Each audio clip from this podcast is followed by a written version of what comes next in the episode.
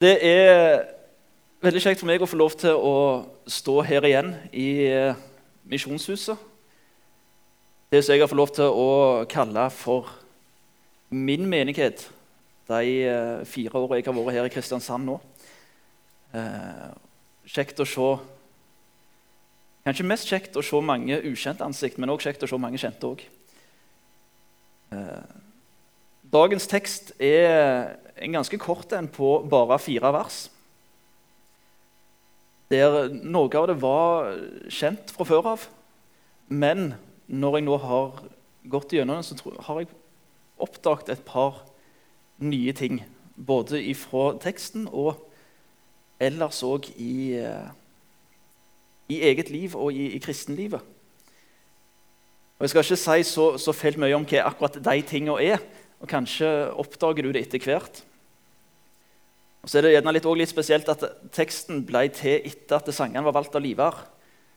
Så du kommer nok til å kjenne igjen en del fra de sangene vi har sunget, og en del av de sangene vi skal synge videre utover i, i møtet.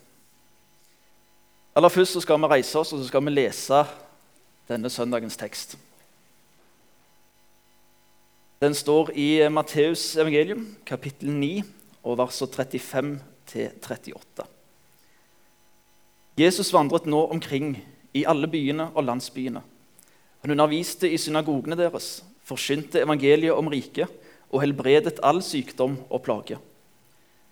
Og da han så folkemengdene, fikk han inderlig medfølelse med dem, for de var forkomne og hjelpeløse, som sauer uten gjeter. Da sa han til disiplene sine.: Høsten er stor, men arbeiderne få. Be derfor høstens herre sende ut arbeidere for å høste inn grøten hans.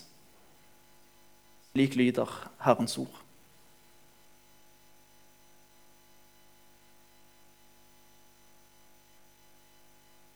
Dette korte avsnittet på bare fire vers det gir oss en liten innsikt i hva som var bakgrunnen og motivasjonen for at Jesus tar og trapper opp, øker treningen til disiplene sine. Og I neste kapittel så leser vi at han sender de ut to og to. Han gir dem makt til å gå ut og forkynne hans budskap. Og Grunnen til dette her, det er Jesu medfølelse med folkemengdene. Og Avsnittet det ser både bakover og framover i tid. De avslutter undervisningen og gjerningene som vi leser om at Jesus gjorde. Vi leser om det i kapittel 8 og 9. Og så forbereder dette verset oss på disiplene sin misjonsgjerning i kapittel 10. Og Det er passende overgang, for det, det viser oss hva som var Jesu grunn for å få disiplene til å gå ut og forkynne evangeliet. Medfølelse. Den medfølgende gjeteren, den medfølgende hyrden, den medfølgende Jesus disippelgjorde de tolv for å forberede dem på å være arbeidere i Guds innhøsting. Det var også sånn at Så lenge Jesus tok og betjente folkets fysiske behov, da ble han beundra av folkemengdene.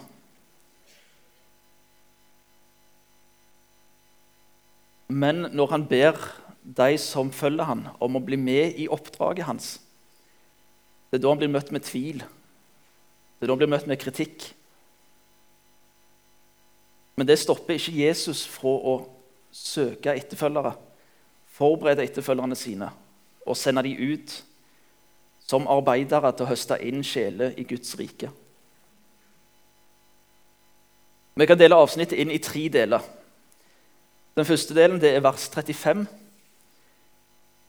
Jesu medfølende tjeneste.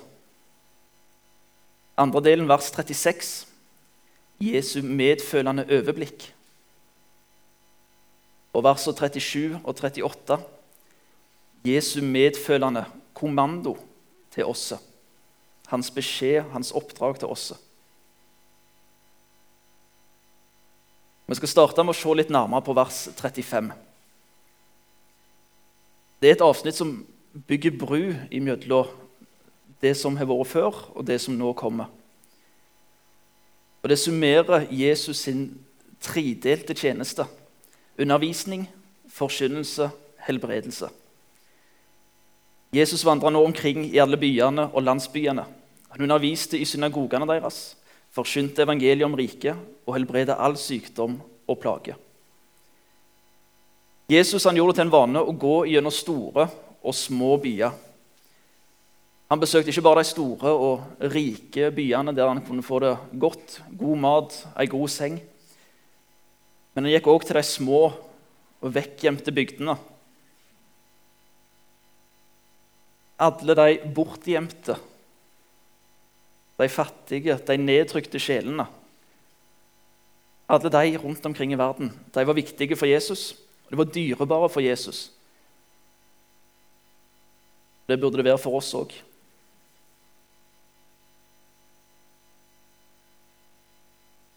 Jesus' sin offentlige tjeneste var delt inn i tre deler. Og Først og fremst av disse så var undervisningen. Og Undervisningen det var å gi en detaljert forklaring på et bibelvers eller et avsnitt og utdype hva som var meint med det som sto der. Den andre prioriteringen i Jesu tjeneste det var å forkynne evangeliet om Guds rike. Jesus han kunngjorde, han gjorde kjent at den etterlengta ankomsten av Guds rike på jorda, den var nå. Og Denne frasen om evangeliet om Guds rike det er en nøkkel for å forstå hele evangeliet. Evangeliet om Guds rike det er de gode nyhetene om at Gud styrer på jorda. Og det er nå synliggjort gjennom Jesus Kristus. Det er Jesus som bringer Guds rike inn i verden. Og det er Jesus som ber sin skapelse å gå inn i hans rike ved å følge kongen. Hans budskap var å vende om, vende seg bort fra synda og vende seg til Gud, for Guds rike kommer. Han tilbyr frelse av nåde gjennom tro. Han tilbyr tilgivelse for syndene og forsoning mellom synderen og Gud. Og Den tredje delen av Jesu offentlige tjeneste det var å helbrede alles type sykdommer. Og dette var for å autentisere seg sjøl, kan vi vel si. På samme måte som vi av og til må vise legitimasjon i uh, diverse uh, hendelser, så helbreda Jesus folk for å vise at jo, jeg er Guds sønn. Helbredelsesundere tiltrakk seg store mengder med folk. I de to foregående kapitlene leser vi også at det var ingen sykdom det var ingenting som var for stort til at Jesus ikke kunne helbrede det. Vers 35 det er så, også så å si identisk med kapittel 4, 23. Og Begge plasser så markerer det en endring i Jesu tjeneste. I 4.23 så går han ifra å virke og holde seg kun i nærheten av der han vokste opp, Nasaret, kanskje litt i Kapernaum og ellers rundt eh, Galileasjøen. Og I 935 så går det videre til hele Galilea. I vers 423 så går det videre til hele Galilea. Og i 935 så går det videre til hele Israel. Og Fokuset det endrer seg nå til å utruste og forberede disiplene til å sjøl bli lærere. Og dette får jeg tror Jesus visste hvilke ringvirkninger det kom til å få, men jeg tror ikke mange andre visste det. De ringvirkningene det er det som gjør at vi er her i dag. Og Disippelgjøring og utrustning det er like viktig i dag som det var da. i vers 36. Der blir vi presentert for eh, hyrdens medfølelse for de villfarne massene, som er som sauer uten gjeter. Da han så folkemengdene, fikk han inderlig medfølelse med dem, for de var forkomne og hjelpeløse, som sauer uten gjeter. Mens Jesus reiste rundt og underviste og forkynte, så møtte han mange folkemengder. Og Hver gang han så en folkemengde, så fikk han medfølelse med dem. Og De fysiske behovene var ikke det eneste grunnen til Jesu medlidenhet og hans medfølelse. Hans følelser ble forsterka fordi han så at de var urolige og hjelpeløse, mye likt en sau uten gjeter. Den åndelige tilstanden i folket gjorde at han fikk medfølelse med dem, for de mangla gudfryktige ledere. Og at det står at han fikk inderlig medfølelse med dem, kan tyde på at det var mer enn bare en tanke om at disse her har det ikke bra. Det kan være at det forplanta seg som en fysisk smerte. Som en knute i magen eller et slag i magen. Jesus så at folket var forkomne og hjelpeløse som sauer uten gjeter. Det var mange i lederposisjoner, eller gjetere i, i hermetegn. Det var mange politiske ledere, dyktige militære ledere, en haug med religiøse ledere. Men Jesus sa likevel at de var som sauer uten gjeter. Og hvorfor? De var som sauer uten gjeter fordi de mangla skikkelig åndelige ledere. Det var ingen gjetere som hjalp dem til å utvikle og få det de trengte for å utvikle sitt åndelige liv.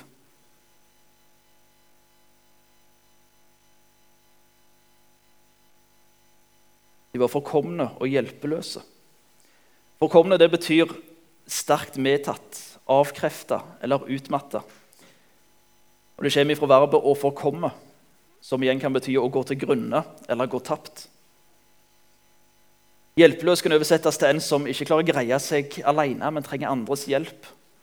Eller en som ikke vet råd, eller ikke vet en utvei. Og Det var dette Jesus så i folket. De var sterkt medtatt og utmatta fordi de ikke hadde fått skikkelig åndelig føde. Og Fikk de ikke skikkelig mat snart, så ville de gå til grunn.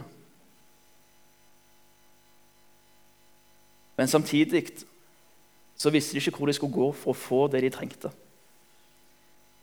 De hadde ingen gjeter som kunne gi dem mat eller lære dem sannheten og føre dem til evig liv. De var hjelpeløse og vandra rundt uten åndelig ledelse. De religiøse lederne som skulle ha vært deres gjetere, de holdt de borte fra den sanne, gode hyrde.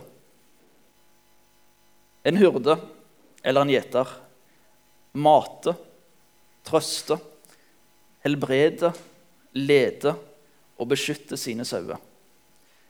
Og Israels religiøse ledere på denne tida var mer opptatt av å utnytte folket, befeste sin egen posisjon og overlot folket til seg sjøl.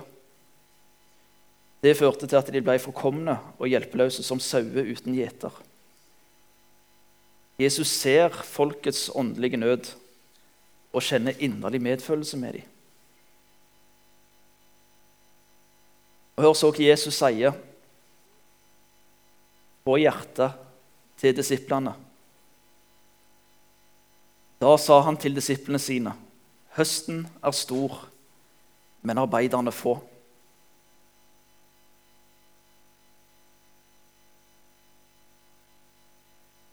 Legger du merke til hva en hjertefølt medfølelse fører til? Jesu hjertefølte, inderlige medfølelse får han til å ville gjøre noe med behovet. Han kunne ikke stå på sidelinja som en tilskuer, men han starta allerede her misjonsoppdraget. Og motivasjonen bak det er medfølelse. Jesus sier at høsten er stor. Ordet 'høsten' det viser ikke til årstida, men til grøten, det som har grodd fram, og som skal høstes inn.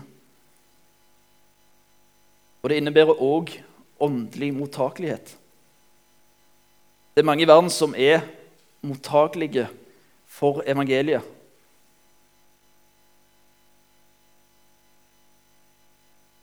Som kan, og som kommer til å bli frelst. Ordet stor viser til at verden er full av mennesker som med mindre de får høre evangeliet og får ta del i Guds rike, kommer til å gå fortapt. Som kornet eller gresset som ikke blir høsta tidsnok. Poenget er at det er mye arbeid som må gjøres. Men det er ikke så mange som er villige til å gjøre det. Innhøsting det er hardt arbeid. Og Spesielt når det er mye som skal høstes inn. Og få til å dele på arbeidet. Det er et stort behov for arbeidere i Guds rike. Stort behov for arbeidere i Guds innhøsting. Vers 38 det er Jesu beskjed til disiplene og til oss om hva vi skal gjøre. Be derfor høstens herre sende ut arbeidere for å høste inn grøden hans. Medfølelse for de mange milliarder med sjeler som går fortapt, vil føre til bønn om arbeidere som vil gå ut for å høste de inn. Bønn er utgangspunktet for arbeiderne. Nøkkelen til kirkens oppdrag ligger i Guds hender. Og den nøkkelen, det er bønn. Nøkkelen til kirkens oppdrag det er ikke visdom, forståelse, arbeid. Det kan være dette her er på grensa til å banne i kirka, men jeg våger meg til å si at nøkkelen til kirkens oppdrag det er heller ikke misjon eller evangelisering. Nøkkelen er bønn. Gud er herre over alt. Han er herre over og eier av høsten. Vi er hans tjenere, som har blitt gitt forvalteransvaret for innhøstinga. Og Jesus sier i vers 38 at vår prioritering i dette forvalteransvaret det er å be. Be for arbeidere til innhøstinga.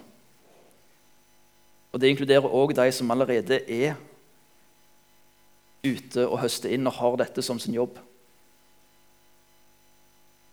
Og Legg merke til at bønnen er at det er Gud, ikke at vi mennesker skal pushe og insistere, men at Gud vil føre arbeidere ut. Legg også merke til at bønna er for arbeidere. Ikke sofaslitere eller benkeslitere, innbyttere som kommer innpå når det er fem minutter igjen men mennesker som er aktive i å høste inn Guds grøde. Gud som har gitt oss oppdraget om å høste inn, har også gitt oss lov til å be Han om arbeidere.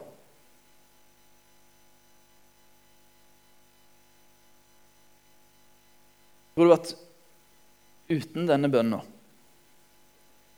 så ville store åkre klar for innhøsting visna vekk.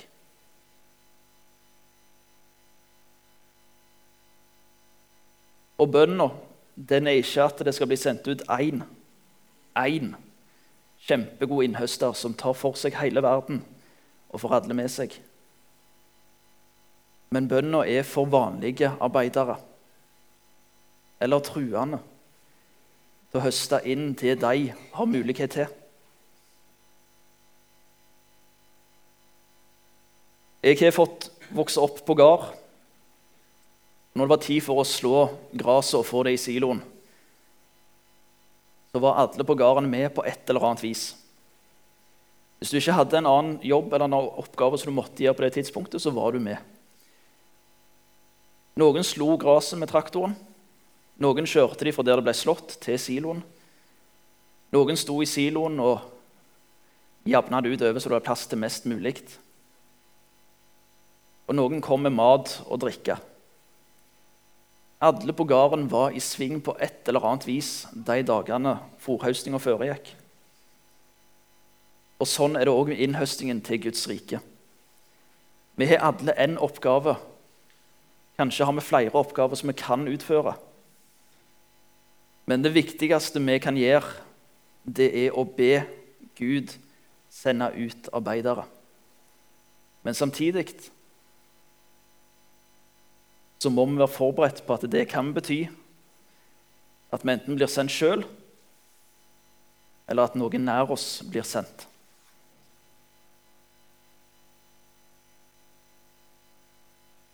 Jesus kjente på en inderlig medfølelse for folket, som han beskriver med to bilder. En flokk med forsømte sauer og en høst som visner pga. mangelen på arbeidere. Begge bildene viser ikke bare til folkets situasjon, men til de religiøses forsømmelse. Og Jesus kommer da med svaret bønn. Ser du den åndelige situasjonen til folk og verden rundt deg? Har du medfølelse for disse? Ber du for arbeidere som sendes til disse? Og igjen med en liten advarsel. Ber du om dette, så kan du oppdage at det blir du som blir sendt.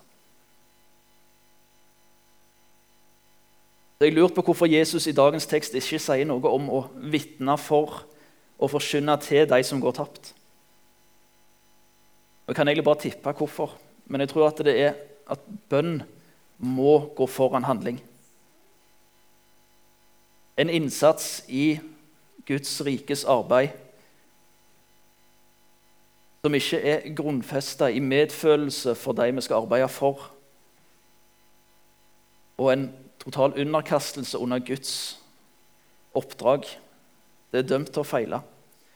Men når vi bryr oss nok til å be,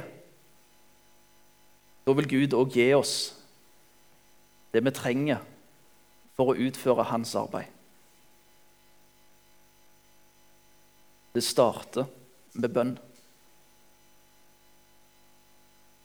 La oss derfor be til høstens herre. Kjære himmelske Far.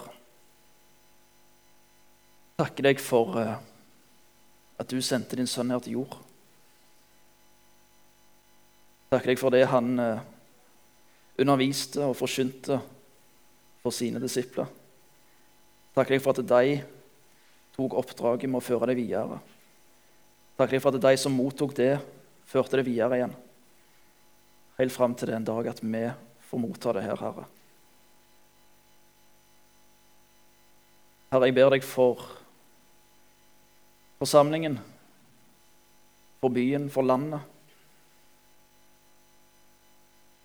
Herre, du ser at vi alle har noen som vi skulle ønske jeg fikk høre mer om deg. Som skulle bli tatt med inn i ditt rike, Herre.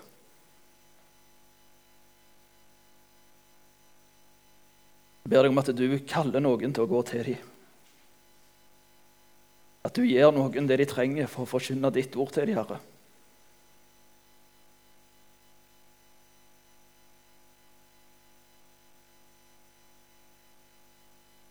Herre, du ser til hva hver enkelt av oss trenger til.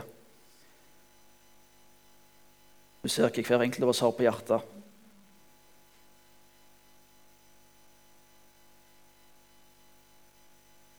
Men du kaller arbeidere ut. Og om det skulle være oss du kaller, så lærer du oss å si 'la din vilje skje'. I Jesu navn.